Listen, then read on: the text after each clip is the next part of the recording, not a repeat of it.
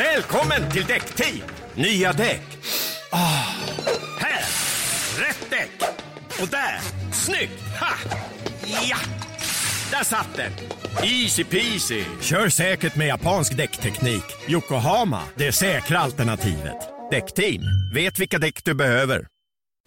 Varmt, varmt, varmt välkomna till ännu ett avsnitt av Nemo möter en vän. Och idag är det avsnitt nummer 225 och jag har med mig den fantastiska artisten Magnus Carlsson. Men innan vi drar igång dagens episod så har jag ett viktigt meddelande till alla mina lyssnare där ute. Och framförallt till alla er företagare där ute. Ända sedan jag startade den här podden för många år sedan så har jag fått flera frågor om hur man investerar i podden. Hur blir man egentligen en sponsor? Om man till exempel sitter på ett företag som gärna blir sponsorer till Nemo möter en vän. Jo, det har ju varit så här att man måste kontakta Radioplay där den här podden har legat i de här åren.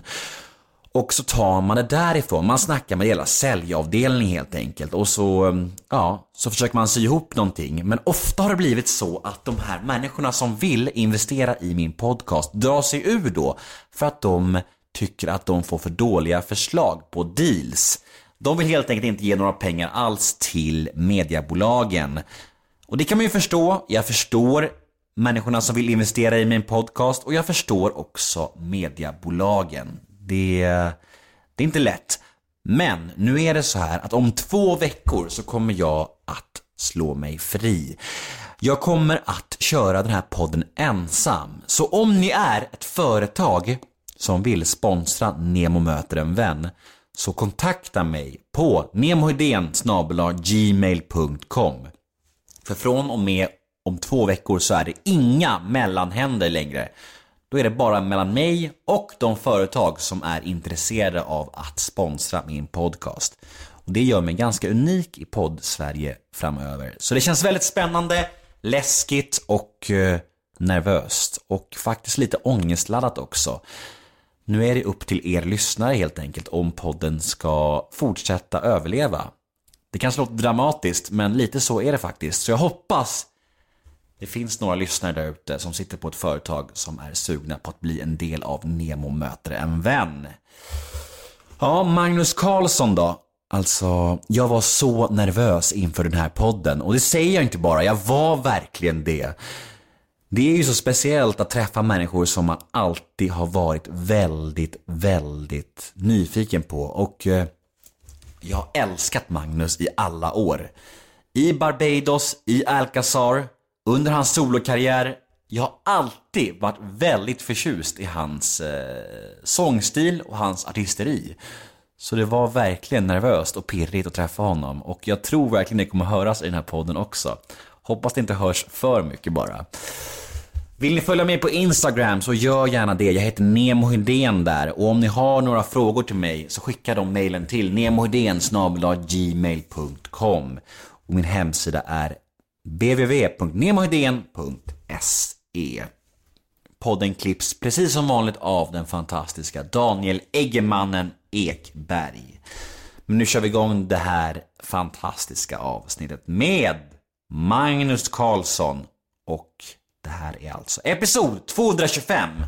Rulla gingen! Woho! Nemo är en kändis, den största som vi har. Nu ska han snacka med en kändis och göra honom glad. Yeah! Det är Nemo fullkomligt är en kändis, den största som vi har. Nu ska är han helt snacka otroligt. med en kändis och göra honom glad. Yeah! Då kör vi. Då åker vi. Nemo möter en vän med Magnus Karlsson. Yes. Hej Magnus. Hej! Hur står det till denna kyliga januari eftermiddag? Du, det står väldigt bra till måste jag säga. Jag är uppe i varv, men jag är väldigt glad och väldigt på G. Så är det. Skönt. Ehm, jag har ju gjort, eh, ja, vi snackade lite om det innan, jag har gjort ungefär 220 intervjuer och eh, eh, jag ska vara helt ärlig, det är ganska sällan nu för tiden som det liksom kittlar till eftersom man är ganska blasé inför sitt yrke. Liksom. Man blir. Okej. lite luttrad sådär om man Ja, kan säga. Eh, Men faktum är att jag har ju följt dig i alla år och, och liksom All varit, varit lite Nej, men jag tyckte mycket om dig. Alltså jag vet inte. Tack, jag, tack. Ja men alltså. Ja, vad bra. Ja, men det, är, alltså, det, det är liksom så här, jag är lite pirrig nu. Jag är lite nervös. Coolt. Ja. Eller ja, det behöver det inte vara, men det är coolt. Det är bra betyg. Tack. Ja. Men jag vet inte vad det är. Men jag har liksom både i solokarriären och, och i Barbados och i Alcazar och liksom har varit, det Mm. grejen du gör har jag liksom alltid gillat väldigt mycket. Ah. Så, så, Ja, det blir jag glad. Det blir jag riktigt glad. Ja. Men du behöver inte vara nervös. Nej. Eh, Du är ju, redan nu känner jag att du är ganska mycket lugnare och lite mer nästan, nästan introvert får jag en känsla av. Alltså du, right. jag, jag fick en känsla av att du ska vara lite mer så här. Eh, ja, jag fattar vad du menar. Ja, det, det beror på vilken... Nu låter det inte särskilt friskt, men alltså vilken Magnus du träffar på. Om du träffar på mig ute när jag jobbar på scen och sådär, då är ju mitt jobb att underhålla folk och vara utåt, uppvigla till du vet, allt från dans till allsång till bara köra. Och jag lever ju själv livet, jag har ju skitkul på scen. Men sen när jag väl kommer hem, då går ju batterierna ner på sparlåga och man liksom eh, laddar upp dem där igen. Och då är jag ganska... Eh, privat tycker jag väl kanske inte så jättemycket om att höras och synas och du vet, allt det där. Eh, så det, fin- det finns egentligen två sidor av, av mig, har jag förstått. Vad tycker du om intervjusituationen då? Mm, Eh, jag är ju väldigt van på grund av mitt jobb. Eftersom jag har hållit, hållit på ända sedan i mitten av 90-talet. Liksom, och intervjuats av både det ena och det andra. Så att jag är ganska van, jag är ganska luttrad med konstiga frågor och eh, inträngande frågor och glada frågor och konstiga frågor och alla möjliga frågor.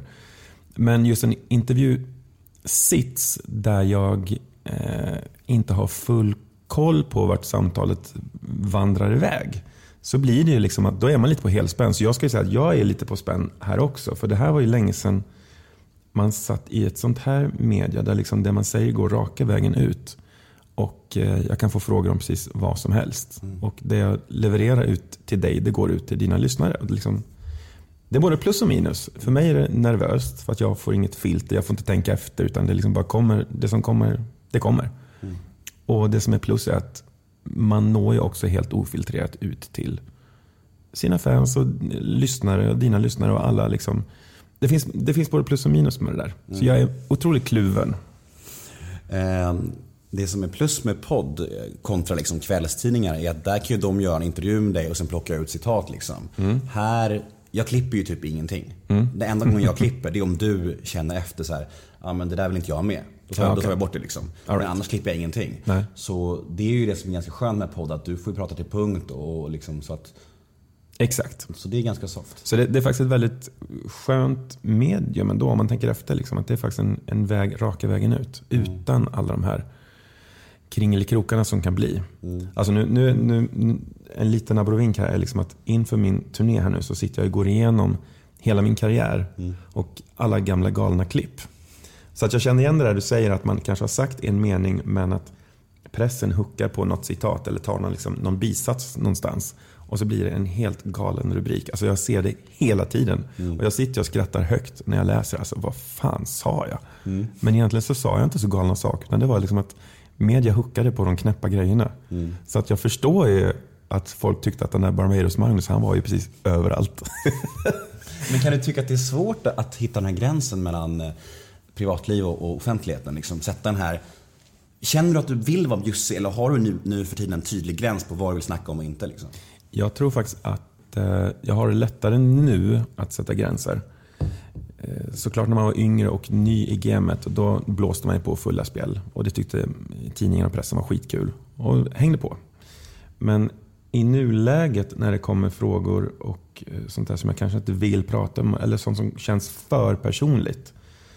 Så kan jag ju sniffa upp den frågan ganska snabbt och på ett ganska långt avstånd och kanske styra av samtalet eller styra in på någon annan fråga eller du vet, inte svara. Sånt där kan jag kosta på mig nu. Men i början av karriären så körde man ju full out. Och det kom ju fram alla möjliga konstiga detaljer. Men eh, nu kan jag skratta åt det. Men eh, det är intressant att titta tillbaka faktiskt, hur man betedde sig. Du har lärt dig att bli som en, som en politiker. Att man, man ställer en fråga och Yes. så tror man att man har fått svar på Ja, den. ja. Så jag kommer gå härifrån och vara skitnöjd. Bara, Fan vad bra svar jag fick. Sen när jag lyssnade är ingenting sagt liksom. nej, nej. Det är skitbra. Ja, nej men det är ju så. Alltså man, man, man vill ju samtidigt vara bjussig har jag kommit fram till. Men, men eh, eh, liksom sty, styra förbi den alldeles, alldeles mest privata Magnus så att säga. Ja, ja. Så det, det är klart att jag kommer ju svara ärligt på frågor och sådär. Men Och jag kommer säkert fråga så nördiga frågor som du kommer Ja. att tänka så här. älsklingsfärg, sådana du, du kommer typ säkert säga så här. Shit, finns det någon som har koll på sådana där saker? Och så kommer du börja tycka att jag är lite otäck tror jag. Yeah, hit me. Det är Jag kommer skitkul. ihåg när jag intervjuade Christer Björkman för, för några månader sedan och då sa jag då tog jag upp en grej som vi kommer komma till sen i podden angående min favoritlåt, Live Forever då. att den yes. inte gick till final och allt det där. Och, Ja. och, och jag var så nördig kring det och, och Björkman var bara så här. Alltså vad fan, du borde jobba för mig. Du, Ja. du är nördigare än vad jag är liksom. Jag, bara, jag ska jobba för dig. Ja, då har du gått långt. Då har du verkligen gått långt. Eller hur? Men du, jag tänker att vi ska eh, ta det lite från början. Mhm. Eh, 1974 är du född. Yes, Ja. precis. Utanför Borås va? Ja, jag föddes i en, en by eller samhälle som heter Frista, eller Fristad stavas det. Mest känt för eh, arbetskläderna. Just Och- det. Ja, och Frista och lite sånt där. Och sen kom jag. Det finns två saker liksom. Ja, och Mauro Scocco har bott där en bit, en, en stund Det är också. inte lika coolt va? Ja, och i min värld är det Ja, coolt. det är, klart, det är, det är coolt. svincoolt. Men nu Ja, intervjuar vi dig här. Ja, det är bra. I Frista-kläder. Ja. Men vad var det för familj som du föddes in i? Eh, jag är första barnet av tre. Jag har två yngre bröder. Och eh, jag har mamma och pappa då, så att säga. Och eh, det var en ytterst vanlig familj. Sådär.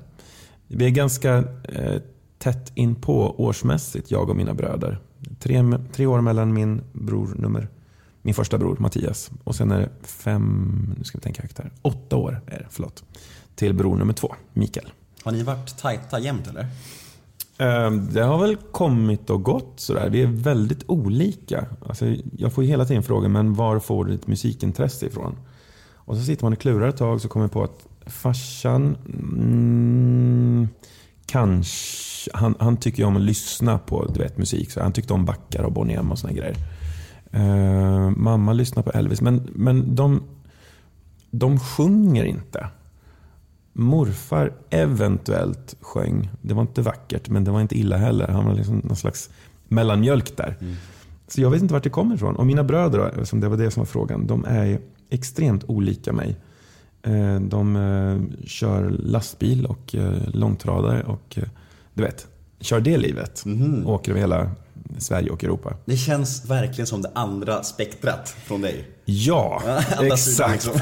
Ja, så det är väldigt rolig krock om man tittar på det utifrån. Ja. Berätta om din pappa. Eh, farsan är en gammal Formel 1-åkare, tror jag han var faktiskt. Nu kommer han ju diskutera med mig om jag säger fel. Men han tävlade i att köra Formel 1. Och, eh, på äldre år så har han också eget åkeri. Och eh, mecka med bilar är hans liv. Så det, det var, jag har hört mycket om bilar och motorer och växellådor och eh, allt som hör där till. Jag ska inte säga att jag lyssnade. det bara flög över ditt huvud, eller hur? Ja, ja, ja. Nej, nej, nej, nej, nej. Jag vill ju bara lyssna på mina ABBA-plattor. Liksom. Så att det, det, det är min farsa. Jag kan se framför mig hur din pappa så här, predikar för er tre söner och de andra två bara sitter och lyssnar så här slaviskt och du bara mm. Det är obehagligt vad rätt du har. Så var, så var, så var det. Fruktansvärt ointresserad. Jag skiter väl i liksom hur en, en tretaktare låter. Eller en, du vet, växellådan. Pff, ingen aning vad man pratar om. Din mor då? Ja. Eh, mamma jobbar som, eh, eh, hon jobbade på Borås lasarett till exempel. Sitter tekniska avdelningen där. Eh, en pappers, pappersbrutta kan man säga. Eh, jobbar, jobbar, jobbar. Och eh, på senare tid så jobbar hon också då i familjeföretaget med just åkeri. Eh, sköter papper och sådär. Bakom kulisserna. Vad var det för ehm, din skoltid? Hur såg den ut? Vad var det för typ av person när du började skolan? Jag var... Mm, mm, mm, mm, mm. Om vi börjar ännu tidigare så är det så att jag har liksom alltid sjungit. Jag, fick min, jag brukar alltid säga att jag fick min första ABBA-tape, kassettband, liksom, när jag var två år gammal. Och sen dess är jag hooked. För då, då började jag sjunga. Liksom, upptäckte liksom det här glädjen i att både underhålla men också att, att få sjunga. Liksom, så här. Gud vad pretentiöst det här låter. Men så är det. Det är fint ju. Ja, så att när jag kom då till skolvärlden så var jag redan, alltså jag var, hade ju inget intresse av fotboll eller återigen bilar eller allt det där som, som många andra hade. Så att eh, jag levde ju liksom för musikklasserna på veckorna. Och man hade några lektioner i veckan då, det var de jag levde för. Så jag blev ju väldigt snabbt, fick ju eh, mina fröknar då höra att jag sjöng och stod i. Så att jag blev den lille killen som de knuffade fram längst fram i, i kyrkan på skolavslutningarna. Så jag sjöng ju på julavslutningar, och jag sjöng på sommaravslutningar och jag sjöng på, du vet, sjöng och sjöng och sjöng. Så det blev liksom jag. Jag blev lite den här udda fågeln skulle jag vilja säga. Var du duktig direkt eller var det någonting du övade dig till? Alltså, talangen? Eh, jag skulle nog säga att jag använde min barndom till att öva. Så att när jag kom upp liksom och blev, blev lite, lite äldre så var det så att jag blev ju... Jag hade väldigt ljus röst när jag var liten. Så att jag blev en gossopran. Eh, och jag har ju förstått också att mina föräldrar orkar inte med att jag gick och lät hela tiden när jag var liten. Så de eh, skickade iväg mig till eh, samhället i Frista där jag började gå i barnkör. Vilket då var en riktig kick. Det tyckte jag var skitkul. Sjunga med andra, liksom. andra likasinnade som hade lika kul som jag. Och Det ledde till att jag började också lära mig piano. Och, eh, ja, men jag fick liksom vårda mitt musikintresse fast kanske inte inom hemmets fyra väggar hela tiden. Nej. Utan jag åkte iväg. Men äh, återigen, jag, jag blev lite sådär musikkillen. Mm. Men om dina föräldrar hade det ganska, ja, inte, inte så kreativa jobb på det sättet liksom. Eh, var de uppmuntrande till det du höll på med eller var de så lite skeptiska till att du ska han sjunga liksom? Eller hur, hur tänkte de om det? De var, de var väldigt positiva och glada att jag sjöng och allt det där. Vi fick ju väldigt, eh, väldigt mycket positivt. Jag och mina bröder hörde jag när, när vi var små att vi var så väl uppfostrade och vi var liksom fina pojkar. sådär.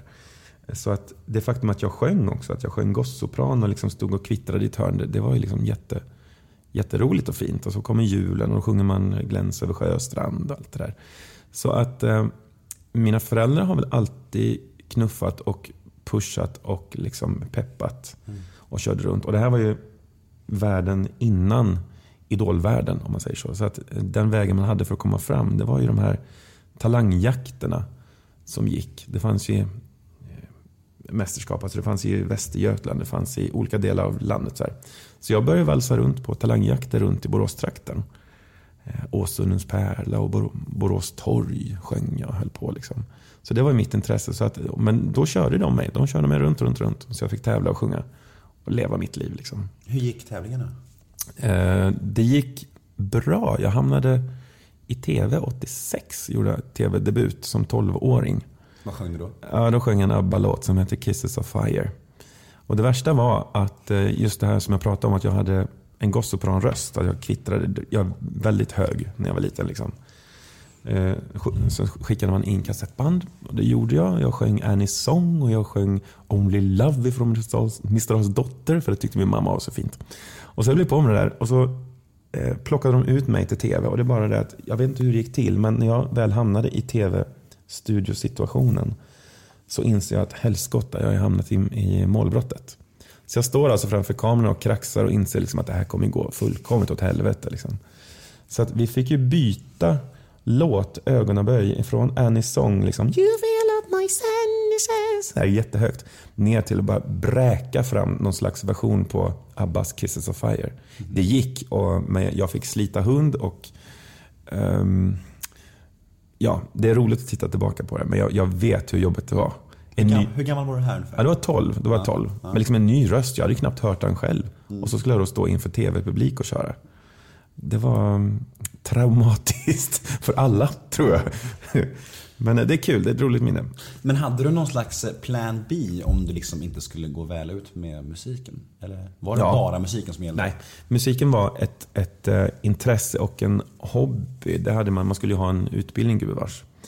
Så att eh, skolåren vandrar väl vidare och när man då kommer till det vägskälet att man ska börja välja eh, gymnasiet är det väl då tänkte jag jag måste ju utbilda mig på någonting ordentligt här. Så att jag sökte in till olika skolor i Borås. Då. Jag sökte ekonomi, jag sökte handel, jag sökte alla möjliga. Och som kanske fjärde eller femte eh, alternativ längst ner på pappret så skrev jag liksom musikgymnasiet i Göteborg. Jag var livrädd för att åka till Göteborg för det första, för det har jag aldrig, nästan aldrig varit. Det var en stor stad, det var läskigt att komma dit. Från, från lilla, ja men jag vet. men då var det andra sidan av världen. Ja, jag förstår det. Men det var ändå liksom min dröm, liksom, musik. Men jag måste skriva det. Eh, Så jag gjorde det. Och vad jag inte tänkte på var att musikgymnasiet i Göteborg går ut på att man gör ett prov. Ja. Mm. Oj då.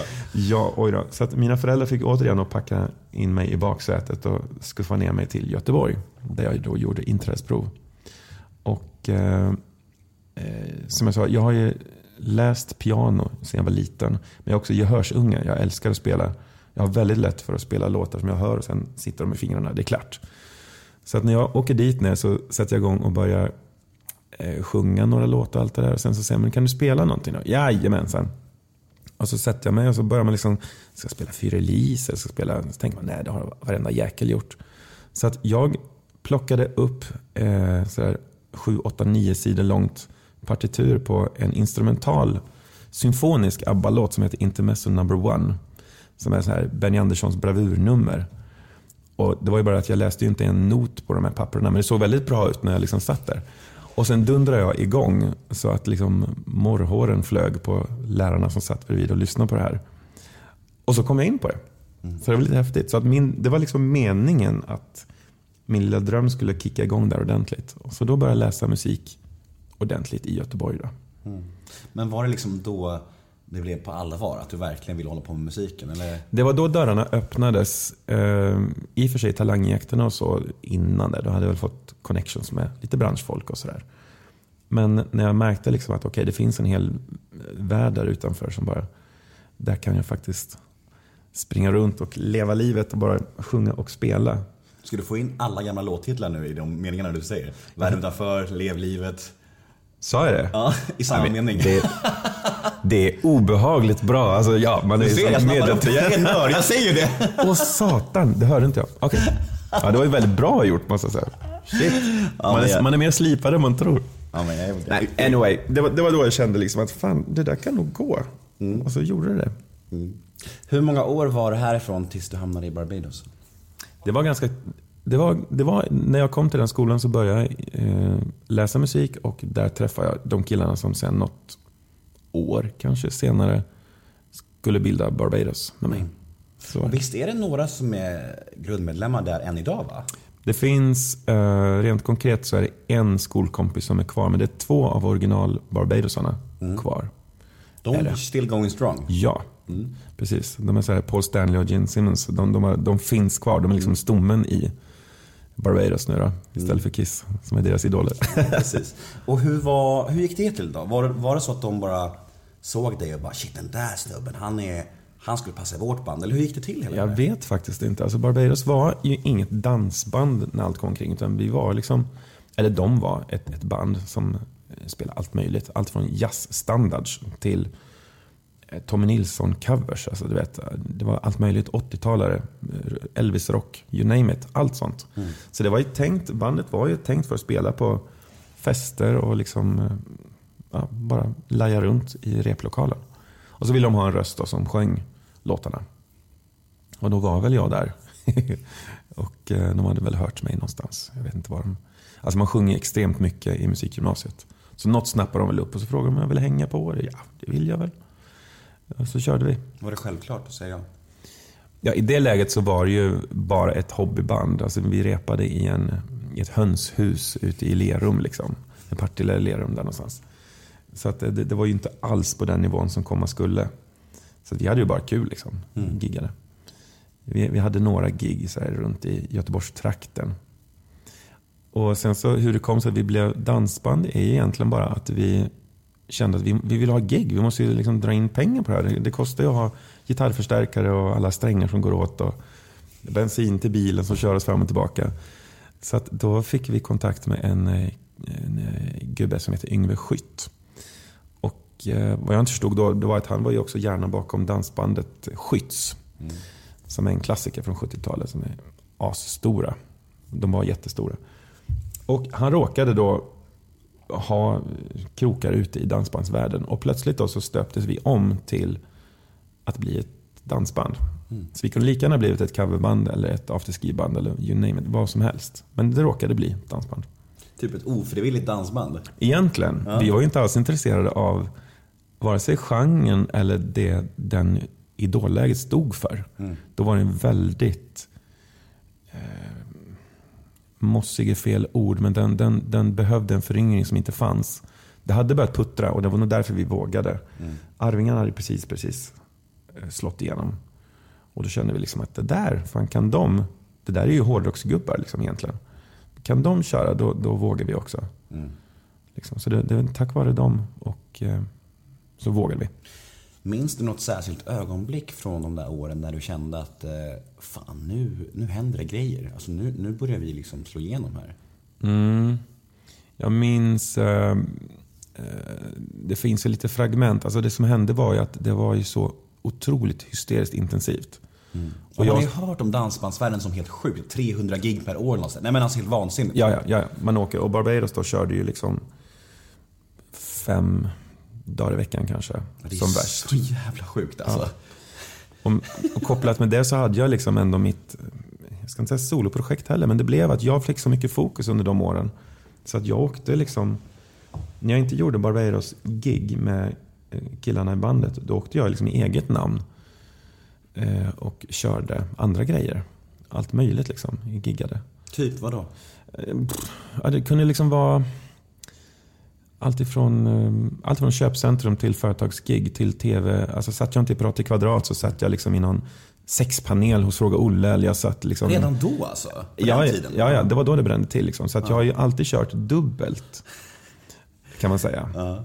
Så. Och sen så blev ju jag synonymt med Barbados. Det blev ju jag eftersom jag syntes i media hela tiden.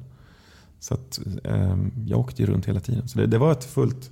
Men vart jag ville komma var att, att minnena sviker lite för att allting flyter ihop. Och jag var alltid på väg någon annanstans. Eller någon drog i mig eller knuffade in mitt baksäte för jag skulle ilfart till en flygplats för jag skulle upp och spela någonstans. Och möta upp killarna på vägen för jag skulle spela dans. Och det är lite synd, men, men eh, återigen, det är därför det är kul nu att gå tillbaka och kolla liksom, vad fasen gjorde man egentligen? Vad tyckte grabbarna i bandet om att du också var en annanstans hela tiden liksom? Jag tror att det var lite... Mm, jag tror att de dels tyckte det var skönt att jag tog mediadrevet. Eh, för att det är de inte så intresserade av. Liksom att fläka ut sitt privatliv hit och dit och synas hela tiden. Alltid vara på pass. Eh, men sen så kan det nog vara jobbigt också att vara med i ett band som bär ett namn men att namnet piper iväg och liksom fokuserar, får, får liksom en eh, ja, fokusera på en, så att säga. Eftersom som jag sa, jag, att jag blev ju liksom Barbados. Barbados Magnus då, eller Barbados då. Och det kan nog varit ganska tufft tror jag ändå. För att vi, vi kämpade ju och gjorde jobbet tillsammans. Och, eh, men fokuset hamnade då på mig som frontfigur.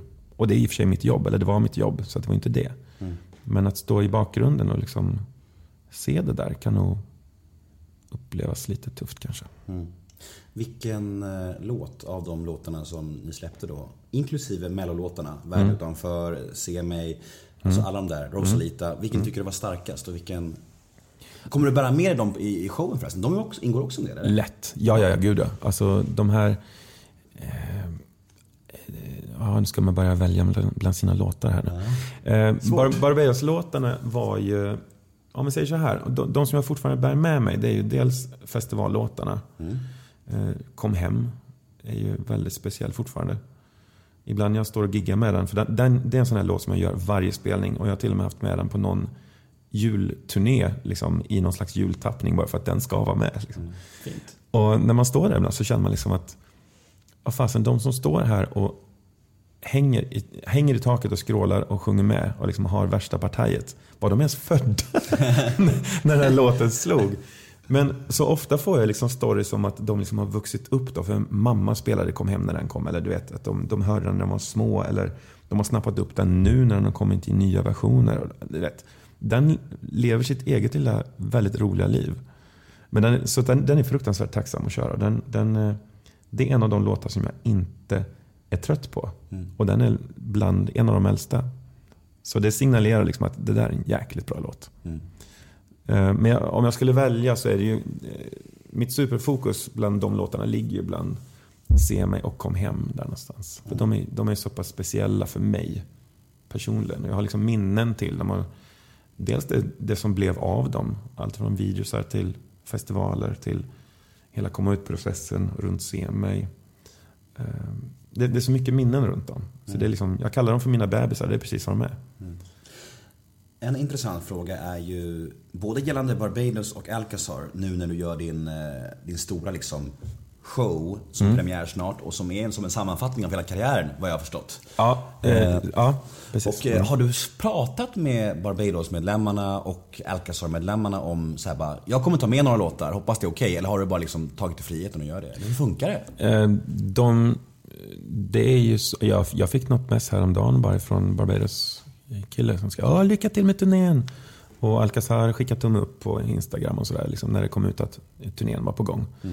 Men låtarna i sig är ju en låtskatt som vi tillsammans har byggt upp. Så att jag menar, li, lika väl som jag åker runt med Kom Hem så finns det en parallellvärld där eh, då det här nystöpta eller nya varianten av Barbados åker runt med en ny sångare och ett ny, en, en ny output och kör Kom Hem. Så att vi har liksom en delad, eh, delad vårdnad skulle jag säga, men, men delad historia liksom, som vi kör på varsitt håll. Och det är exakt samma sak med Alcazar. Så att det är klart att låtarna kommer ju dyka upp för de har ju liksom, det är ju liksom stötte, det stöttepelare i karriären som ska hyllas och plockas fram. Med kärlek såklart. Alltså jag blir jätteglad att du ska köra alla låtarna. Det, det, Mm. För oss som har följt det så är det jackpot liksom, såklart. Mm. Ja. Eh, Men jag tänkte bara att det finns ju så här bandkonstellationer där det är vissa som har rättigheter till vissa låtar och sådana grejer. Det Mm. var därför jag frågade. Men då har ni haft en tydlig uppdelning att ni har liksom, alla har rättigheter till allt liksom. Ja, låtarna ägs av eh, ingen, eller av oss alla. Ja. Så är det. Liksom. Perfekt. Ja. Bra lösning. Ja. Eh, Men eh, varför slutade du i Barbados?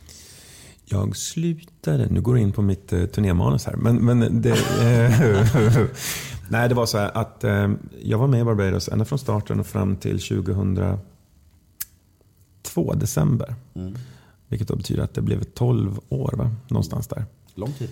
Det är väldigt lång tid och det var många hundår. Vi bar väldigt många högtalare och eh, många sladdar och många bilmil i bussen.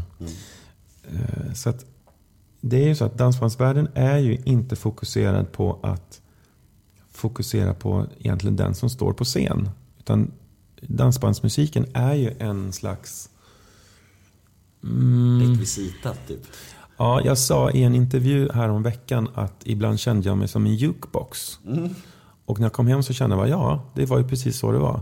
Och det var, så, det var precis så det skulle vara också. Vi skulle spela låtar för att dansarna skulle få liksom dansa runt och ha kul tillsammans. De, de ska ju inte bry sig om vad jag har för skjorta eller vad jag gör för dansmoves eller du vet, vad man gör där. Men någonstans har jag ju kommit ifrån ett artisttänk när jag liksom växte upp och fick mitt intresse så att säga. Så att, att eh, jag tackar gudarna för att det blev som det blev med Barbados. För att vi hade ju alltså en publik som bestod av, eh, när det var som värst så var det liksom så att säga 50% partypublik som bara röjde framme vid scenen. Och då snackar vi röjde. Liksom. Och sen bakom dem så var våran klassiska dansbandspublik som dansade bugg och foxtrot. I och för sig så krockade de publikerna lite ibland så det var ju lite armbågar här och var. Men så att jag fick ju ändå, jag och bandet fick ju ändå det artistfokuset som många dansband kanske inte får under sin karriär. Men tillbaks till frågan varför jag hoppade. Och det, det var att då hade det gått lite i stå.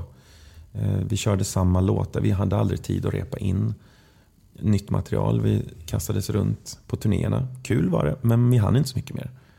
Eh, Plattor skulle ut. Ett år så, släppte vi tre skivor. Så att vi levde i skivstudion eller på dansbanorna. Och då kände jag liksom att nej men nu, nu måste jag också få utvecklas.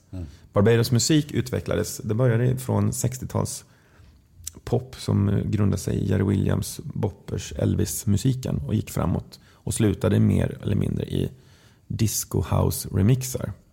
Så då kände jag liksom att jag kan inte dra det här längre för att nu kommer inte folk kunna dansa till det här och då tappar vi vår etikett. Vad är vi då? Liksom? Är vi popband? Är vi dansband? Är vi, vad sjutton är vi?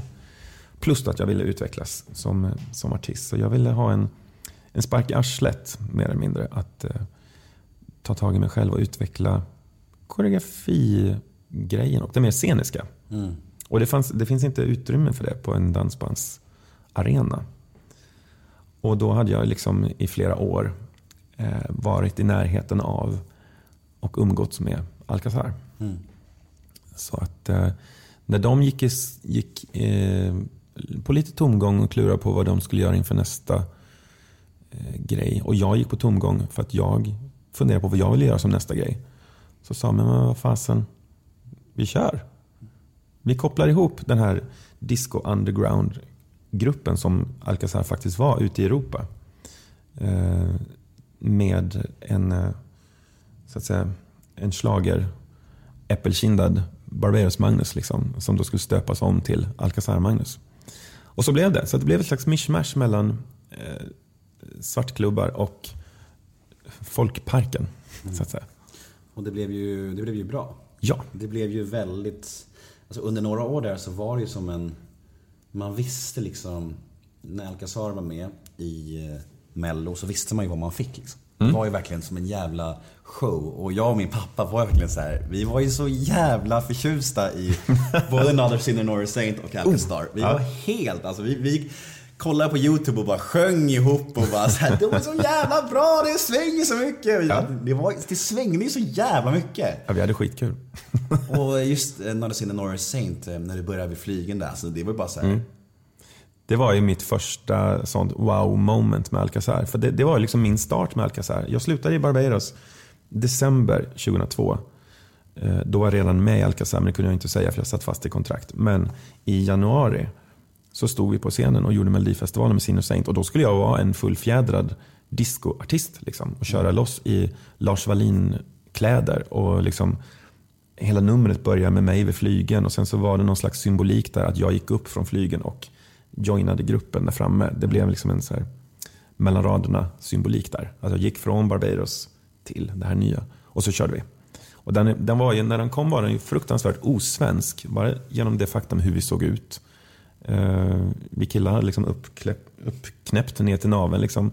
Eh, brudarna visade spirorna och vi gick omkring i tomteröda outfits. Asdyra från Lars Wallin. Alltså det är så osvenskt så det liknar ingenting 2003.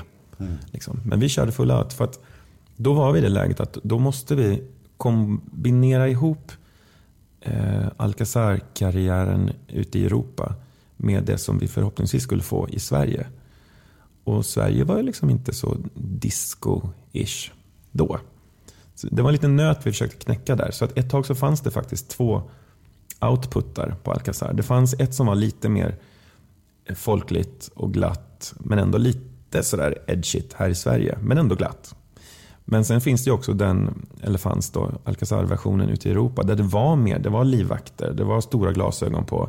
Det var liksom forslas runt i stora limousiner och taxibilar till arenor hit och dit. För de tycker om sånt. Den, den kulturen ser ut så där nere. De älskar sina diva. Alltså Italien älskar ju Annika Fiore som är liksom två meter lång och rött tuperat hår. Gigantiska glasögon, klackarna ifrån helsiket. Liksom. De älskar det där. Men den, den kulturen fanns liksom inte i Sverige då. Så vi fick, eh, vi fick göra en liten abrovink där. Fanns det någonsin någon bitterhet i att ni liksom aldrig nådde hela vägen fram till en vinst? Mm, nej, det skulle jag nog inte vilja säga. Utan för att det som... Vi fick ju den största, en av de allra största hittarna med Sinus Saint från det året. Så att den barkade iväg. Vi såg ju, vi fick en guldskiva liksom på stört. Och vi såg att folk tyckte om det där. Så att vi satt och tänkte liksom att ja, men det, här är, det här är ju ganska lugnt. Nu försöker jag komma ihåg vad, vi var, vad det var vi sa. Vi hamnade i Globen, gjorde vi till slut. Och körde våran grej en gång till. Och hamnade i finalen. Så den meriten har vi liksom alltid. Men Sin Saint slog ju både liksom i Sverige och i England. Och puttrade ner i Tyskland. Och öppnade dörren för de singlarna som skulle komma där nere. Så att i våran värld så var det ganska skönt att slippa Eurovision-drevet. Men vi spann ändå på, på det. Alltså vi, vi använde Sin Saint ute i Europa ändå. Så att, men, men vi slapp det här att vara under en lupp och ha vunnit Melodifestivalen. Så någon bitterhet? Nej, det var det inte. Det visste, fan, man kan väl vara irriterad liksom ibland när man känner att den där låten, alltså. Men, men det kommer folk nästan någon gång i veckan och nämner Sinner Saint att, gud, att de var så arga över att han inte vann. Och då känner man liksom, okej, okay, då gjorde han ju ett avtryck ordentligt och vi gjorde. Och vi hade skitkul. Och det blev en skiva och det blev en jätteturné. Så att vi, vi liksom vann ändå någonstans. Och du kommer att bänna av den i, i, i, i vår. Oh yes! Garanterat. Så Sinner Saint är med, ja. Men hur, hur gör du med, um, har du någon kvin, kvinnokör då som kör uh, kvinnobitarna eller hur funkar det? Nej, nu har jag liksom stöpt om stöpt om mina låtar så att säga. Så att den Sinner Saint som kommer på turnén, mm. det är om du tänker dig liksom en Magnus-version. Mm. Så att jag sjunger hela låten. Uh, det gör jag. Mm. Så att, det, det, är en, det är en clean Magnus-version. Kommer du köra Men, physical? Ja. Den är ju fantastisk, jag älskar den. den är asbra. Den, det är en av mina favvisar också. Den, jag får ta i, kan jag ja. säga. Men den är också tacksam eftersom jag sjöng mestadels av partierna i den låten på skivan när den kom. Så är det bara för mig att plocka fram i kartoteket i hjärnan. Liksom. Mm. Men den, den, eh, det var mycket av Alcazar-musiken som var ganska tuff att framföra. Mm. Och så skulle du dansa till det också då.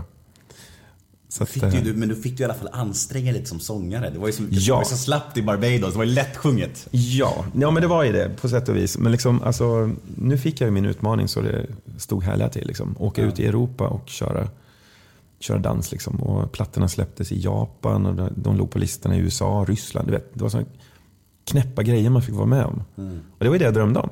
Ja. det var perfekt. Men din, det är ju slutsålt i Stockholm. Hur ska vi lösa det här? I know. Jag då? Vad fan, ditt största fan. Jag får plunka. Du, alltså, eh, jag behöver ju kör. Alltså, du, du, kan ju, du, oh, du vet att jag faktiskt har gått i, i gosskör också på riktigt. Ja, men du hör ju. Stockholms gosskör. Och så gick jag ett år på musikgymnasium.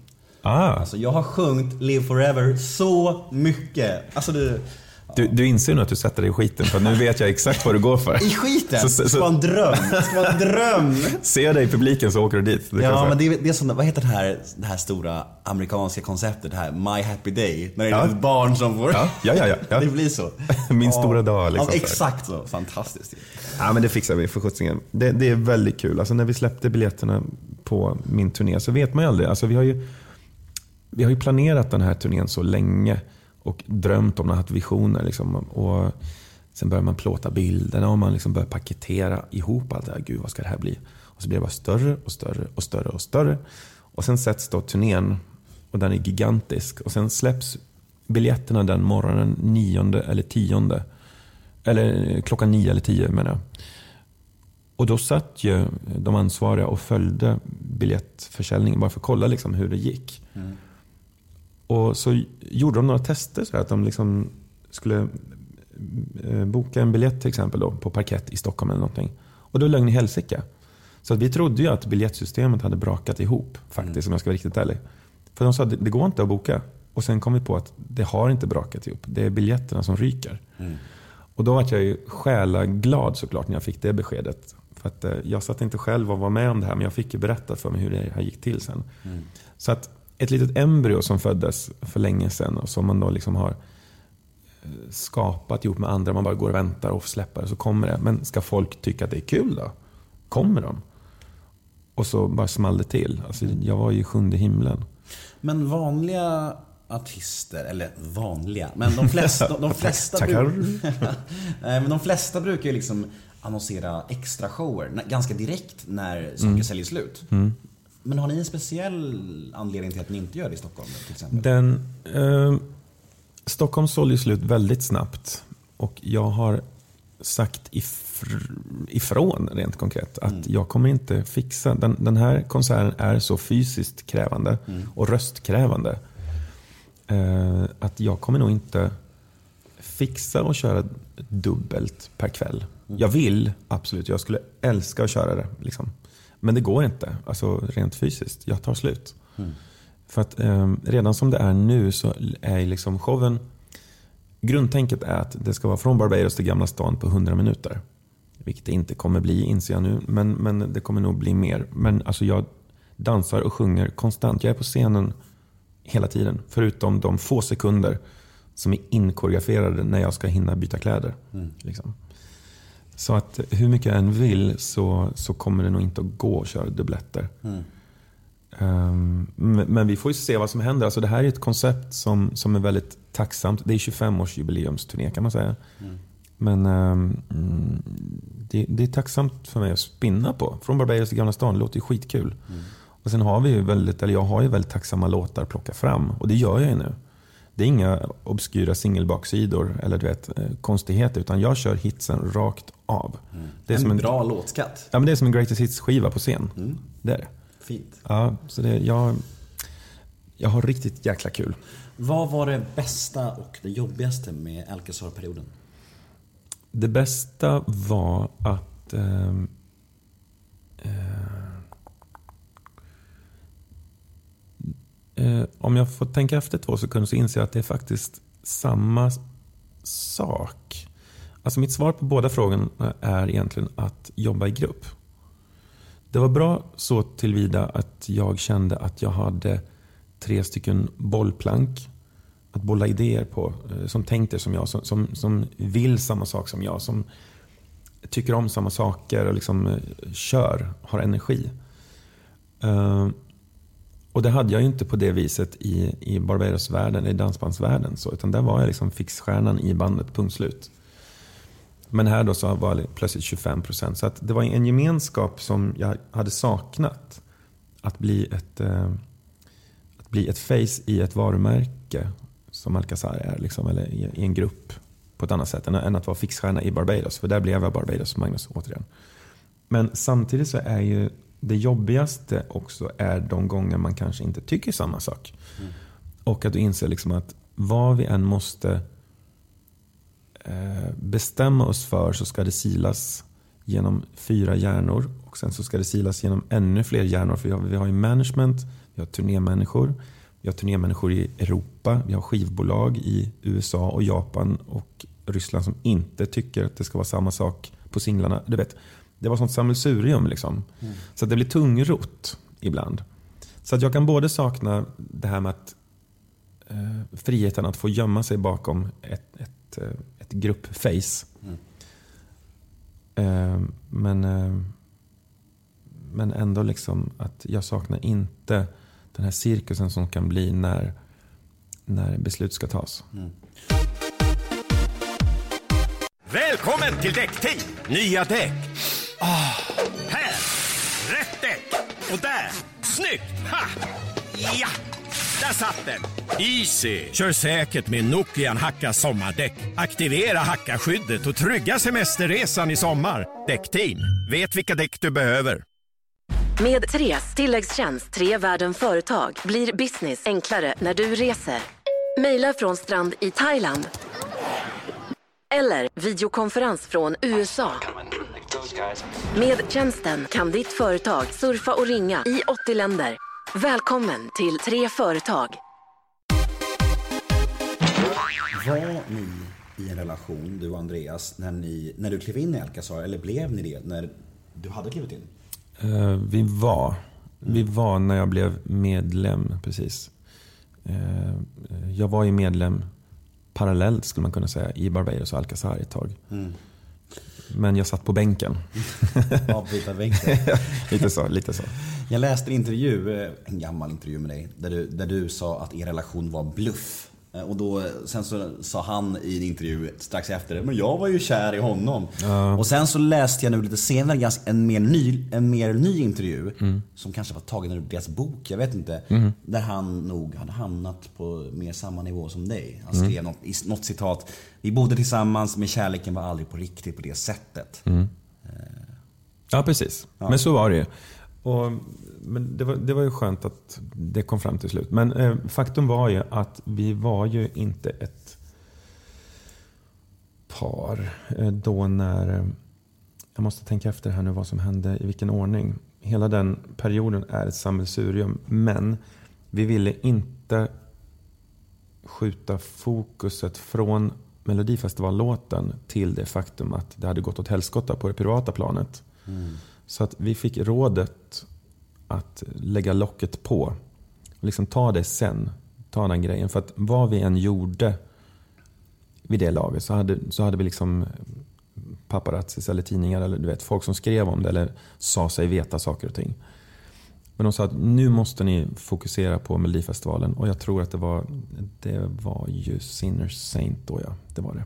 Och då hade ni precis brutit eller?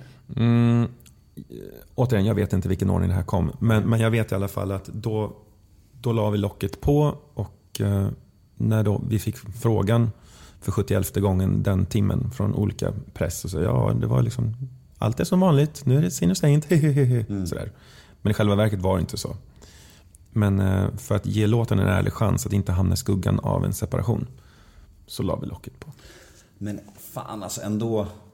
Nu är ni proffs, både du och Andreas och, och hela gruppen. Liksom. Men att, ha, att, att hålla på och bryta en relation när man ska framföra en så jävla glad och peppig låt. Det kan ju inte vara helt lätt. Nej, eh, det var det inte. Jag sitter fortfarande och funderar på vilken ordning det här hände. Om, om, om vi bröt precis efter eller bröt innan. Det ska låta vara osagt. Men nu är det så också att, att Sinner Saint var ju liksom ett, ett resultat av vad vi hade liksom drömt och planerat så länge med Alcazar. Så att eh, vi fick liksom ruska tag i oss själva. Liksom, get a grip. Liksom. Mm. Det här är vad vi har drömt om. Ska vi låta liksom, en sån sak ta knäcken på en, en, en möjlig hit och en, liksom en, en, en karriärsväg som vi alla vill gå. Mm. Så att det, det var ju bara att bita ihop och vi blev ju väldigt snabbt arbetskollegor, punkt slut. Mm. Det, var, det, var, det var ganska tydligt på det privata planet vad som gällde och inte. Mm. Det var det. Har du läst eh, deras bok? Bitar av alltså jag, är ju in, jag och Annika eh, Fiore mm. från Alcazar. Vi är ju intervjuade i boken mm. om saker och ting. Så jag har inte läst, läst eh, allting, men jag har, eh, det som har varit relevant för mig så att säga. Jag ska läsa den, absolut. För jag vill ju liksom, det är en story. Men i min värld så tar ju Alcazar, historien tar ju slut efter eh, vår sista singel tillsammans, Start the Fire. Sen har det liksom pågått en hel story Alcazar efter det. Men det är ju liksom Alcazar version nummer tre och den var jag inte en del av. Utan jag var med i Alcazar del två. Mm. Så det är den, den delen. Då. Mm. Men varför hoppade du av gruppen? Mm, dels... Eh, jag tror inte folk inser riktigt hur jobbigt faktiskt det är att göra en utlandskarriär. Det är inte bara så att man skickar ut en singel och eh, kvittrar i en telefonintervju med Tyskland någon gång och så är det klart. Utan man inser liksom efter månader av pendlande ner att man bara har betat av en liten del av Tyskland. Till exempel. Eller London. Eller England. Eller Spanien. Eller vart man nu än skulle. Östblocket är ju gigantiskt. Och eh, vi hamnade ju då, med Sinner Saint-cirkusen så var det plattan Alcazar som släpptes i fem, sex olika varianter med olika låttitlar här och var. Liksom, som skulle promotas. Åkte runt. Varje land hade sin egen singel, singelval. Vi, vi visste nästan aldrig vilken singel som låg på listorna när vi väl kom dit.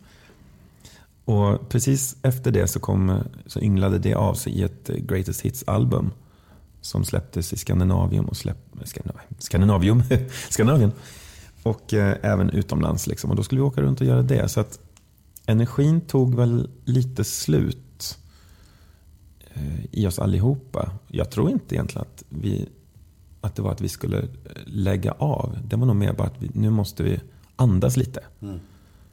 Och så gjorde vi det. Och eftersom jag funkar som jag gör så andas jag i tio minuter. Och sen började jag sitta och trumma på bordet och kände ah, det skulle vara kul att göra någonting. Och då drog jag igång eh, solo-cirkusen runt mig istället. Som då blev ett eh, melodifestivalbidrag 2006. Mm.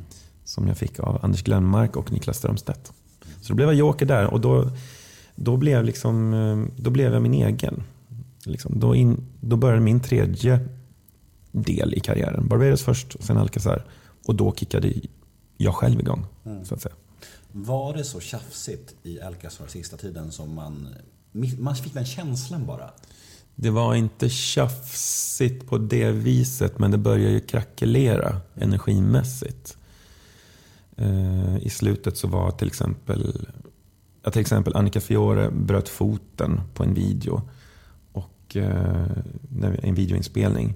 Kunde inte vara med på sista turnén och det blev lite kackel om det internt. Och eh, sen så eh, Ja, det var lite, lite, lite Tessan fick liksom barn och skiftade lite fokus där.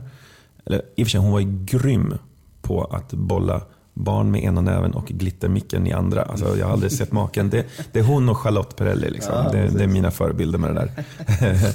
Så att, eh, men, men du vet, och skiftet. Och Andreas är liksom en... eh, Han hade väl liksom börjat spana in lite musikal och han var inte med på alla Alcazar-gig i slutet där. Och, ja, det var väldigt konstigt. Sådär. Så att, då kände jag väl att nej, men nu, nu, nu räcker det. Som jag har varit inne på så har jag varit väldigt förtjust i allt du har gjort. Men det var ju, det pikade ju med Live Forever. Och jag kommer ihåg... Bra val. Ja, men visst är det. Jag kommer ihåg det så väl när jag såg det. När jag såg eh, den deltävlingen. Och eh, jag var så jävla förbannad alltså. Och jag, jag, jag vet att du aldrig skulle erkänna det här, men du var också svinförbannad, eller hur? Ja, alltså jag pratar inte så ofta om, om den, men det kan jag ju säga liksom efter Live Forever var ju mitt andra melodifestivalbidrag i, som soloartist. Och det låg jättemycket muskler bakom bidraget. Eh, allt ifrån mina dansare, kläder som var asdyra. Jag hade någon ljusrigg över mig som kallades för dödsriggen. Eh, jag hade skivbolag i ryggen och en platta som stod och stampade. Allt var liksom banat och klart. Och låten var ju en rolig mishmash mellan det som jag ville ha. Jag ville ju ha liksom rötterna kvar i Alcazar discomyllan. Men jag vill även ha tillbaka lite schlager tjosan hejsan. Men ändå titta lite mot 80-tal och lite hitlistorna. Och så fick jag då Live Forever. Och jag bara kände, här är den. Så är det. Eh, och eh, så körde vi och det som hände då är att jag blir dyngsjuk.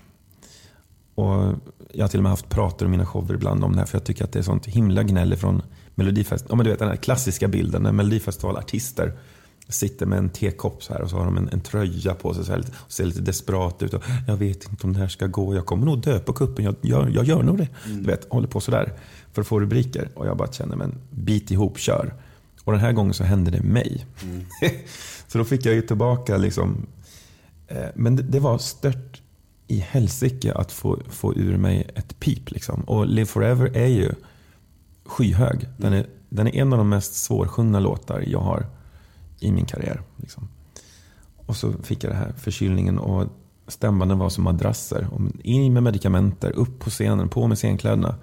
Och jag körde och så står man där och så känner man liksom att det här kommer gå åt helvete. Ja, det gör det. Och nu kommer den höga tonen. Ja, där var den. Ja, eller skulle ha varit. Du vet, man står där och känner att mm, låten var värd så mycket mer. Liksom.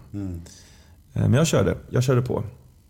Och sen så, eh, det som hände var ju att jag åkte ut redan i delfinalen. Mm, du kom femma va? Ja, jag tror det. Jag har två teser kring- det här. Som jag ska All right. Mm. Första tesen är att det var väl i samma deltävling som eh, både Mons och Sebastian va? Eh, ja, Ja, som var väldigt hypade och hade starka låtar. det var Idol-kids. liksom. Exakt, Idol Kids, eh, den mest röststarka gruppen. Sen så tänkte jag att du hade ju varit med i Mello ganska många år. Inte i rad, men flera gånger innan där. Och jag tror att hade Live Forever framförts av någon som var helt ny, då hade den gått vidare till final. Det tror jag. Och det är, jag tycker att du gjorde den fantastiskt och jag, och jag tycker att det fortfarande är en av de bästa låtarna i Mello ever liksom. Men jag tror att det fanns vissa som kanske tänkte så här. Åh, Magnus igen. Jag har ingen aning. Men jag försöker liksom hobbypsykolog analys, analysera det här. Ja, men så är det. Så är det ju. Alltså, jag har ju varit med i Melodifestivalen då från 2000 var med, med Se mig. Sen dess hade jag liksom varit med på något vis varje år fram till då 2007. Det året jag pausade, det var 2004. Och då var vi med som pausunderhållning istället med Alcazar. Så jag var liksom en gammal i gården-ansikte. En grillvagn. En grillvagn, en grillvagn. Nörd. Nörd. Ja, det är nördalert på den där. ja, verkligen. Så, att, så att, det är klart, jag, jag fattar liksom. Men, men jag ville ju så gärna visa den här. För jag fick ju på tafsen 2006 när jag gjorde en extremt vuxen platta med Glenmark och Strömstedt. Liksom. Att vad, vad är det här? Vi, vi är vana vid Disco-Magnus. Och då kände jag, fine, då, då kör jag det racet. Så ville jag visa det 2007. Och så gick det som det gick då. Men sen ska man ju inte sticka under stol med att den effekten det blev eh, i publiken, det var ju liksom att många fick ett frågetecken på pannan. Vad fasen var det som hände? Så att den singeln var ju den som puttrade på snabbast och blev snabbast guld det året. Och jag fick ju även en hit med den nere i Europa. Och den vandrade iväg. Så den fick ett eget liv och jag fick min revansch. Men du vet, just den där grejen när det stod klart att man inte gick vidare till finalen. Och jag kände liksom, satan, nu raseras. Och jag kände mig besviken på mig själv, besviken på min röst. Jag var generad gentemot alla som hade jobbat med och trott på det här så mycket. Liksom. Alla singlar låg ju klart, allt var färdigt för plattan. Liksom. Och så ska man då lomma in i logen. Och efter det så vet du liksom att när du går från presskonferensen så har du tidningarna, eh, liksom, de står ju och väntar med kameran på att de vill få en, en sur blick eller ett litet snyft eller du vet, någonting. Sådär. Så att det året tror jag, ta mig fasen, att jag backade ut ur lokalen. Så att liksom, de ska inte få Magnus pinsamma sorti-bilden. Ever liksom. Så jag gjorde det.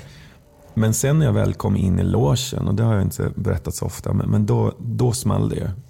Då, då rasade ju hela, hela världen för mig. Liksom, och, eh, ja, jag bröt ihop. Liksom. Jag hade skittufft. Ehm, men, men sen så... Eh, jag grät och svor och fick tillåta mig att vara ledsen där en stund. Liksom, för jag hade så mycket uppdämt i mig runt Live Forever som jag ville få ut. Och nu var jag tvungen att liksom lägga fram plan B eller plan C. Liksom. Ehm, men jag var, jag var ledsen någon timma och sen så efter det så började det puttra på liksom, ehm, lite rubriker och li, lite så här ehm, man fick höra ifrån, ifrån media liksom att, vad publikens reaktion på låten var. Liksom att det var, var synd att det gick åt helskotta, men vilken bra låt. Då blev jag på bättre humör. Sen kom efterfesten på kvällen sen när man ska fira av och avsluta Melodifestivalen. Liksom. Och då, då var jag redan förbi. Då var jag inne på singel nummer två i hjärnan. Liksom. För att jag fick ett väldigt stöd, både, både eh, från min make men också ifrån skivbolaget. Liksom, att fan också, men då kör vi plan B. Skönt att du har kommit över i alla fall. Har du, du har inte gjort det? Är, är det något du vill tala ut om? Liksom? Jag har redan gjort det med Christer Björkman här om månaden ju. Jag skällde ut honom. Ni är korrupt, er jävla festival. Ja, ja, jättebra. Fan, det är bra. Men det värmer mitt hjärta att du har kommit över i alla fall, för det har inte jag gjort. Nej, det är bra. Det är bra. Men det är också en sån här låt, den, den hänger fortfarande med mig och nu är den ju 11 år gammal. Och folk pratar om den också. Den är också en sån här låt som folk snackar om. Och snygg du var också. Svarta, Eller hur? långa, var det som skinndräkt eller vad säger man? Ja, det var, det var, jag hade en lång, lång, lång eh, kappa i, jag vet inte fasen vad det var. Och sen sköna frisyrer med den här långa, långa. Ja, men det skulle vara så då. Ja, det var jävla coolt, alltså. plattångat och fixat jädrar. Ja, det var, det var, det var bra. Det var bra. Ja, grymt. Ehm, vi ska köra lite... nu kommer det. Nö- ska du nörda loss nu? Hit me. Jag har redan nördat nu. Jag känner mig creepy. Det här är inte alls bra. Men men, okej. Eh, vi kör lite snabbfrågor.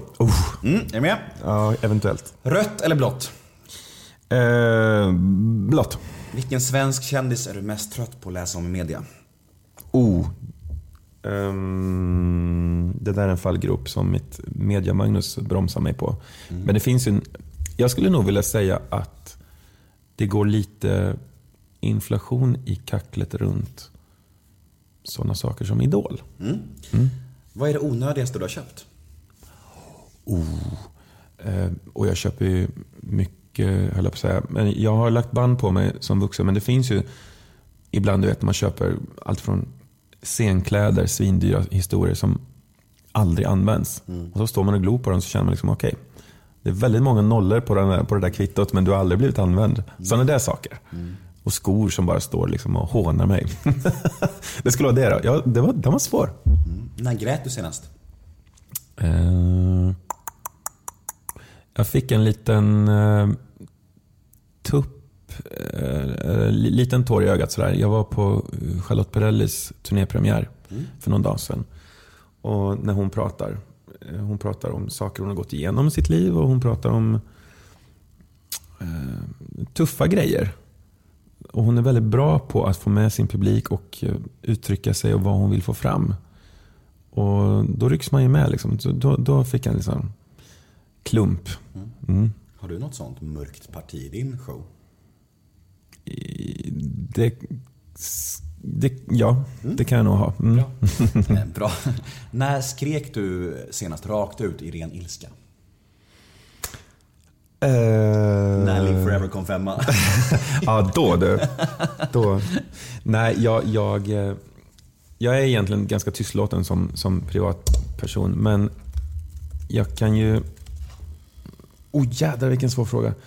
Jag biter ihop. Och eh, Knyter näven i fickan. knyter näven och kör vidare. Men det är klart att ibland så blir man frustrerad när, när det är fem, sex, sju stycken som, sitter, som sliter och drar igen. Och man ska leverera till varenda en man vill leverera.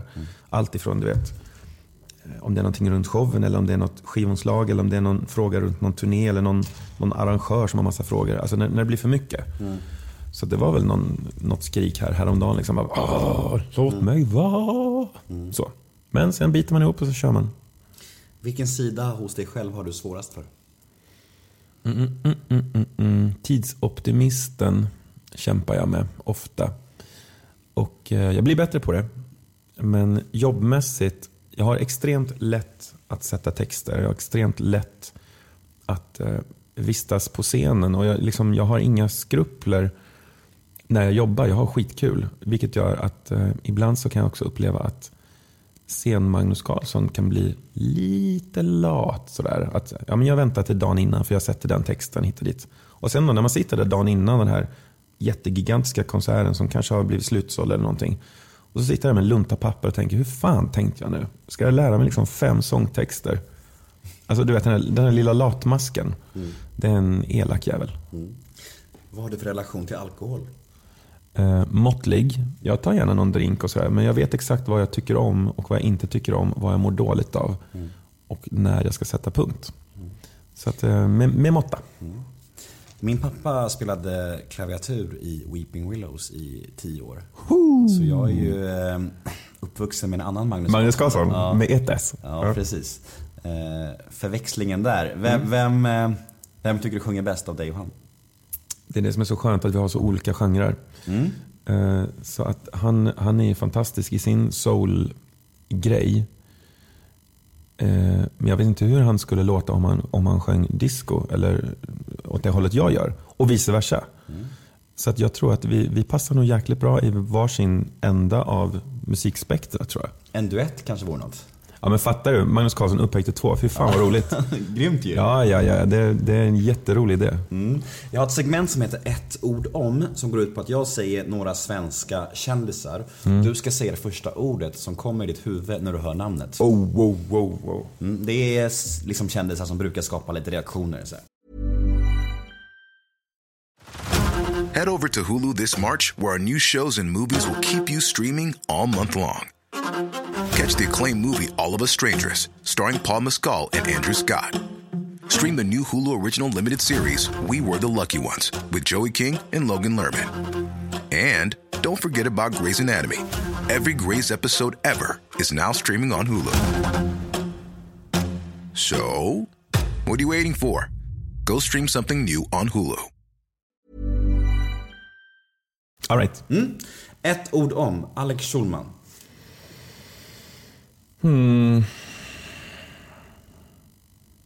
Ointressant. Marcus Birro.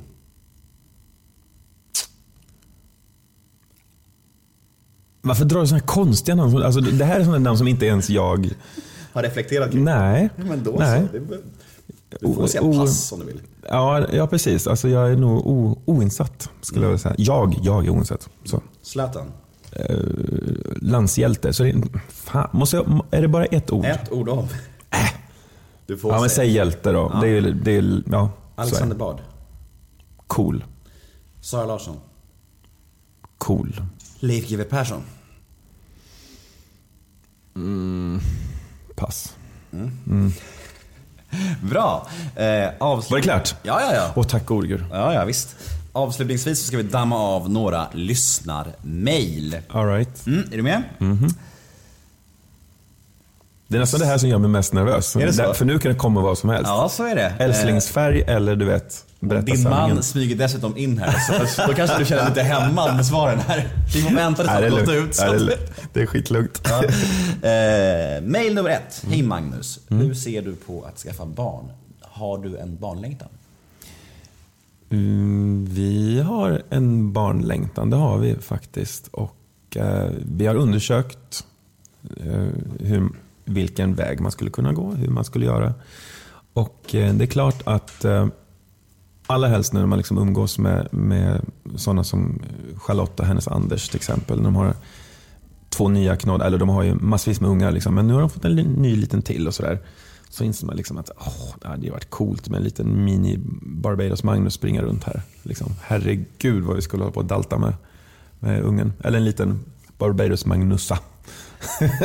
Men sen är det ju tekniskt lite klurigare då att, att eh, vara i ett gayförhållande och skaffa barn. Så det, det krävs en planering och det krävs, har vi insett, en gigantisk plånbok. Och det är inte helt lätt. Liksom. Nej. Nej. Men tankarna finns. Tankarna finns, Mysigt. absolut. Ja, det vore coolt. Mm. Hej Magnus. Kan du inte berätta lite om när du kom ut? Var det jobbigt? Och var det extra svårt på grund av att du var dansbandssångare och förmodligen hade många kvinnliga fans? Det var svar ja på alla de frågorna. Jag hade jättetufft. Alltså, jag privat hade kommit ut mm, flera år tidigare, kanske sex år tidigare. Jag kom ut runt 94, 95 tror jag. Privata Magnus. Men i den vevan som Barbados slog igenom så målades jag upp som den nya posterboy. Häradsbetäckaren, eh, nya flickidolen. Här skulle liksom lägras fruntimmerjäklar, liksom, typ. I alla fall i mina ögon såg det ut så. Och eh, Det som var problematiskt med det hela var ju att jag försökte hålla uppe den fasaden karriärsmässigt. Men privat så var jag liksom på ett helt annat plan. Så att jag var ju alltid livrädd för att någon kanske hade sett mig på någon klubb någonstans eller prata med någon eller gå på stan med, du vet, gud vet vem. Jag var livrädd för det där. Och Sen så vet jag ju liksom for a fact att det började ju snackas både i dansbandsbranschen och bland mina eh, bland vår publik, liksom, bland våra fans och beundrare och sådär. Och de började klura liksom, och jag började få lite ledande frågor i pressen och sådär. Och det small ju till. Um, så att år 2000 när Barbados var på väg in i Melodifestivalen, då var allting uppradat för oss. Då var det liksom klart. Och då sa jag att jag orkar inte mer. Det här tar liksom knäcken på mig. Och det värsta i den vevan var ju också att, att komma i en dansbandsvärld. där det inte finns några förebilder. Alltså, eh, de gayansikten som fanns då, det var ju de man såg på tv ibland. Och de kanske satt i någon panel någonstans hade någon åsikt. Eller så var de showmänniskor och sprang runt och glittrade. Liksom. Och det, det var väl toppen. Men, men det var det var det liksom spektrat som fanns då. Så att, att vara en, en förhållandevis normal eh, kille fast jag sjunger i dansband och jag hade fått stämpeln som flickidol. Det var fan inte lätt alltså. Så att 2000 i alla fall, då, då sa jag att nu, nu, nu måste jag liksom... Nu kommer de snart ta en paparazzi-bild och så är det kört. Det är bättre att jag får styra det där själv och ge dem citaten i alla fall. Och så gjorde vi det. Eh, jätteläskigt var det. Jag visste inte om jag skulle ha någon publik dagen efter. Men det blev ju en fantastisk respons. Både bland vår publik, där jag liksom blev... De stöpte om mig. Istället för att vara potentiell pojkvän eller pojkvän till deras dotter så blev jag någon slags liksom storebror eller lillebror eller son till min publik. Så att min publik har ju varit väldigt vurmande runt mig. Liksom. Men jag slapp hela den här, det här eh, flörterispelet, utan det blev på ett annat plan. Så jag fick jättemycket stöd därifrån, men även också ifrån eh, dansbandsbussarna runt om i Sverige. Det fick jag. Så det gick bra. Det var mycket värre i mitt huvud än vad det blev. Och det är precis det är formulär A1. Så brukar det se ut. Man målar upp liksom ett helvete men så dagen efter så inser man att ja, men jag andas, jag lever ju fortfarande. Fast lite friare. Hej Magnus, vad tycker du och vad tänker du om Så mycket bättre? Har du fått frågan och i sådana fall skulle du vilja vara med? Så mycket bättre har varit på tapeten eh, faktiskt precis, jag tror det var första säsongen. När de höll på och rotade. Men då lät det väldigt, eh, väldigt, konstigt. Så här, vi skulle sitta... Eh, jag har diskuterat det här med Charlotte bara för någon vecka sedan, men nu minns jag inte vilken stad det var. Men i min värld så sa de att vi ska sitta på Gotland i en laggård och, och ett gäng med artister i en ring typ och prata minnen och sjunga varandras låtar. Charlotte säger att det inte är Gotland, hon säger att det var någon annanstans. Eller om det var Jessica, jag minns inte. Men eh, eh det lät jättekonstigt i min värld. Så aldrig i livet. Jättemysko. Så att, eh, det blev ingenting med det. Och sen så small det bara till och då kände man shit. Ångrar du dig? Ja, alltså, alltså herregud, hade man vetat vad det blev av det där. Men samtidigt så hade jag ju liksom inte hunnit med att få... Kanske Live Forever hade väl hunnit med, men Möt mig i Gamla stan hade inte funnits med då, till exempel. Så att ehm, allt har sin tid. Och frågan om jag skulle vilja vara med, det är ju självklart. Sätta tänderna i någon annans låtskatt. Hade varit häftigt. Vinkla, vinkla till Magnus-versioner. Vi får hoppas att TV4 hör det här då. Det vore faktiskt jätteroligt. Det, det är någonting jag klurar på ibland. Mm. Nästa mail. Hej Magnus, hur är din relation med Andreas Lundstedt idag? Den, är, den är inte, kan man säga. Vi, som jag sa, vi blev arbetskollegor väldigt tidigt i Alcazar. Punkt slut. Liksom. Vi jobbade, punkt slut. Ehm, vi har ingen kontakt och eh, på något vis, det eventuella groll och tjafserier som har varit längs vägen både med Alcazar men också på det privata planet med Andreas och allt det där. Jag måste säga att eh, för ett halvår sedan är det väl typ nu då. Så gjorde vi en reunion med Alcazar när hela gruppen skulle ta farväl. De slutade i nyår men de ville ge Pride-publiken en liten extra godisgrej.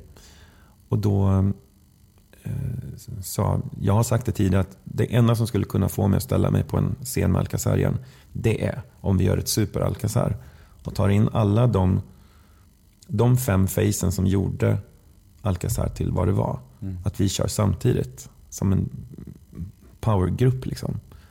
Och så blev det. Så att eh, eh, vi fick ju upp liksom Annika Fiore upp till Stockholm och hon lever ett helt annat liv. Och henne hade jag liksom inte träffat sedan 2005 då, när hon bröt foten. Liksom. Så att, eh, nu vinklar jag i och för sig bort frågan från Andreas, men, men hela Alcazar-grejen fick i min värld ett väldigt snyggt slut. Jag fick liksom ett, ett snyggt closure i, i, i min lilla bok, i min hjärna. Att, att vi fick köra låtarna ihop en gång. Den kvällen måste ju varit helt magisk. Den var magisk. Och den var magisk för oss allihopa. Den, den var väldigt speciell. Emotionellt? Ja, det var det. För att det, var, det var ju klart, alltså, eh, det är många småsår, besvikelser och glädjeämnen längs vägen runt Alcazar. Eh, Och det nämner de ju i sin bok också, så det är inga konstigheter. Men det var ju skönt att, liksom att få, få se de andra fyra och se liksom, det här är fyra människor som har, som har kul i livet och de, de är nöjda. Och det största, det största där det var ju faktiskt för mig att få träffa Annika Fiore igen. Om jag ska vara riktigt ärlig. För det, det var häftigt. Och att se henne så glad och vuxen. Och det, det var ju samma, det var samma Annika som, som, jag, som, som försvann ur mitt liv där 2005. Fast med en helt ny livserfarenhet. Men det var ju samma fnissiga brud. Liksom. Och detsamma gäller för de andra Alcazararna som hade liksom gått vidare och kört version nummer tre. Det var, jag återkommer till det hela tiden, att det var ett jäkligt snyggt bokslut på Alcazar. Så det är jag glad över att vi gjorde.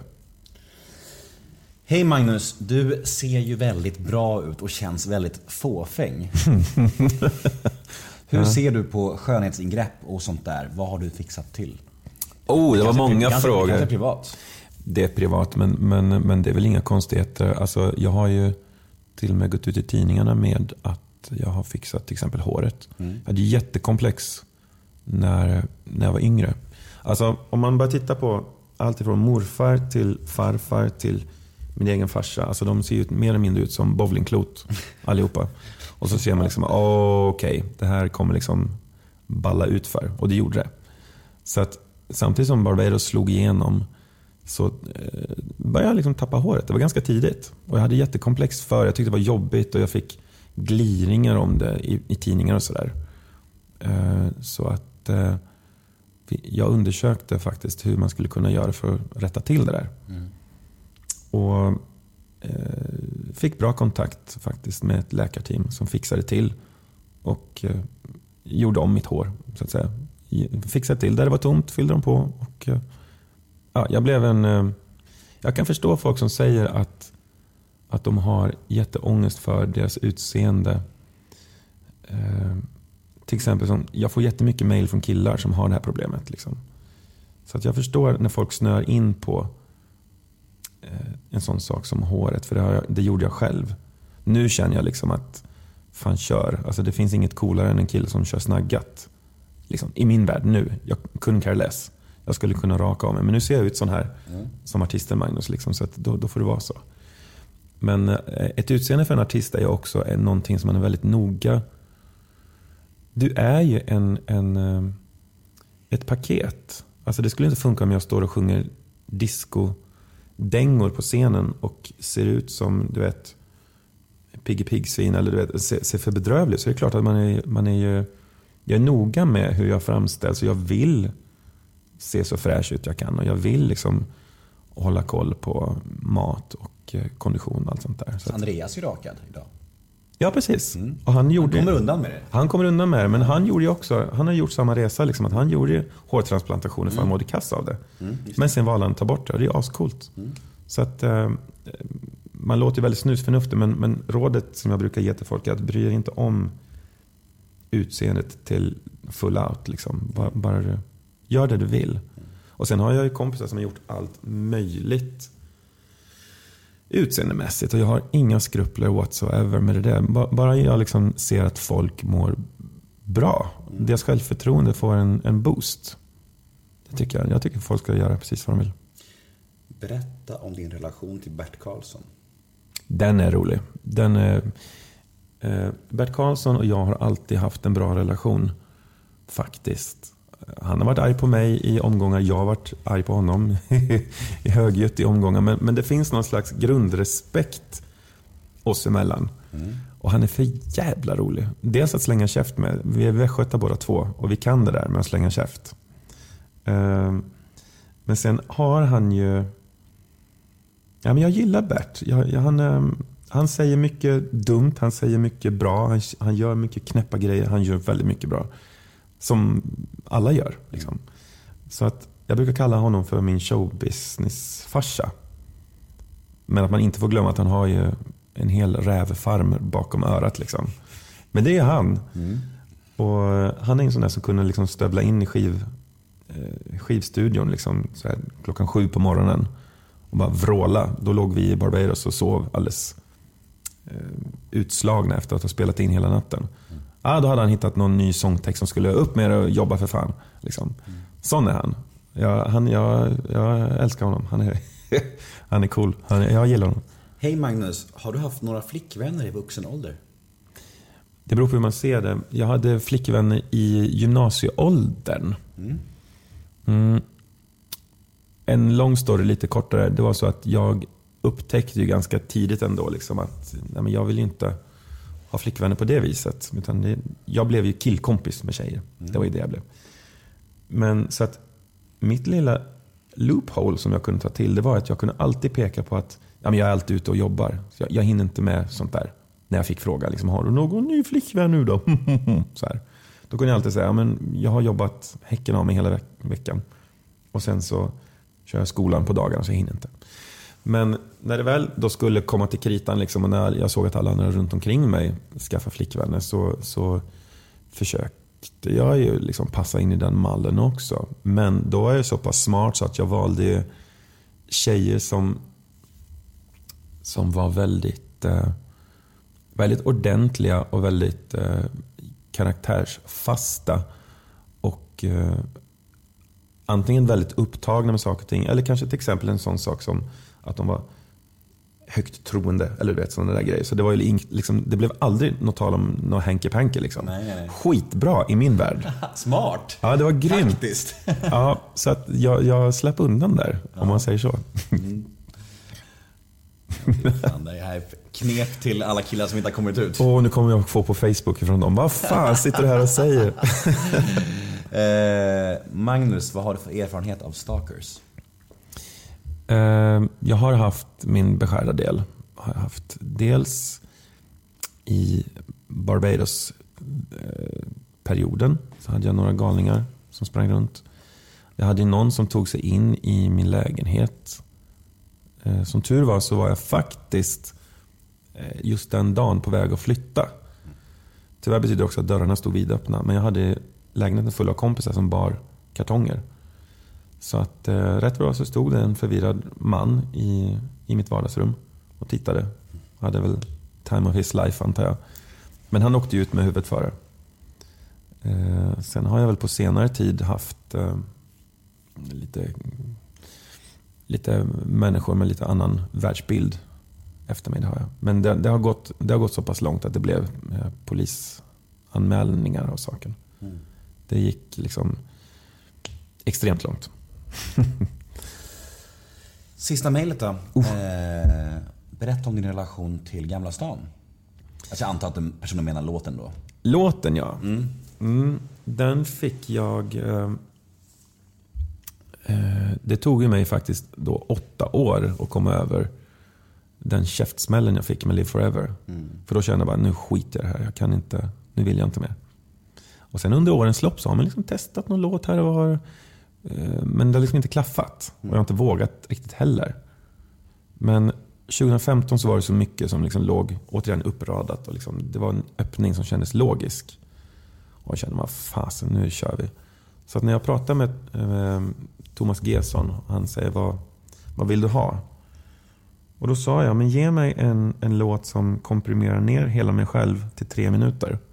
Jag vill ha Barbados-grejen. Jag vill ha discobollarna från Alcazar. Jag vill ha eh, Live Forever 80 retro.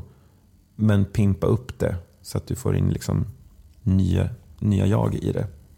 Och han satte sig på kammaren och skrev. Så skrev han en låt som eh, kom tillbaka till mig. Och den, den kändes ju toppen fast. Den hette Tvillingsjäl.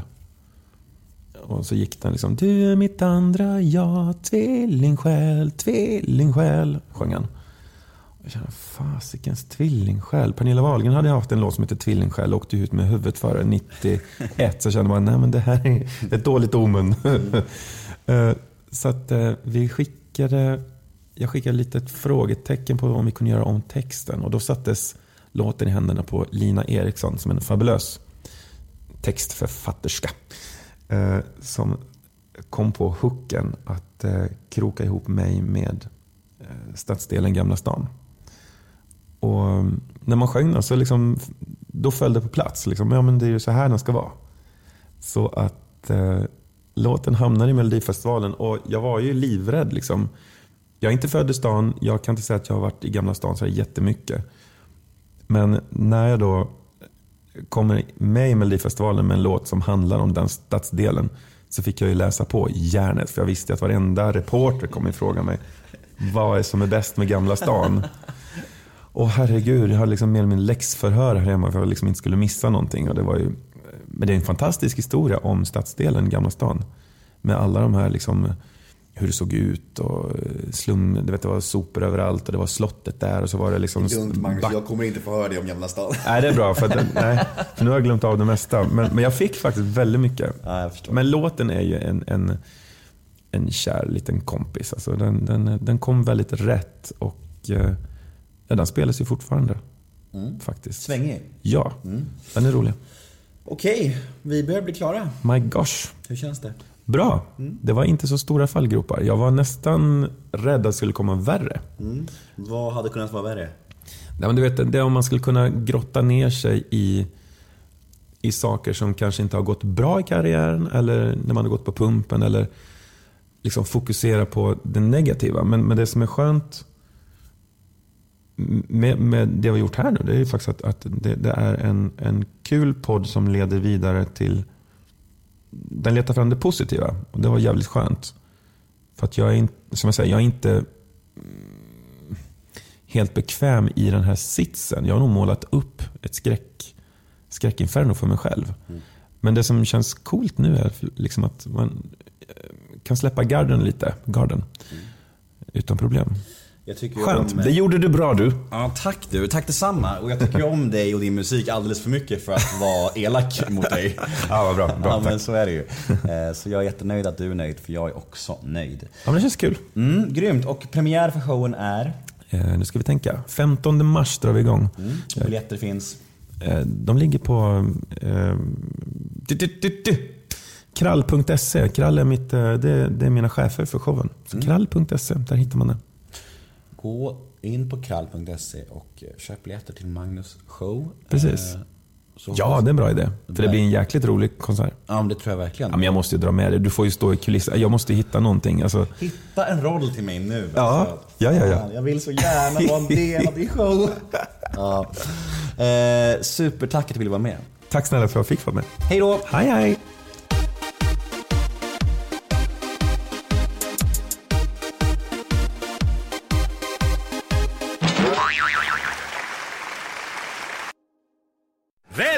Till Däckteam! Nya däck. Oh. här! Rätt däck! Och där! Snyggt! Ha! Ja!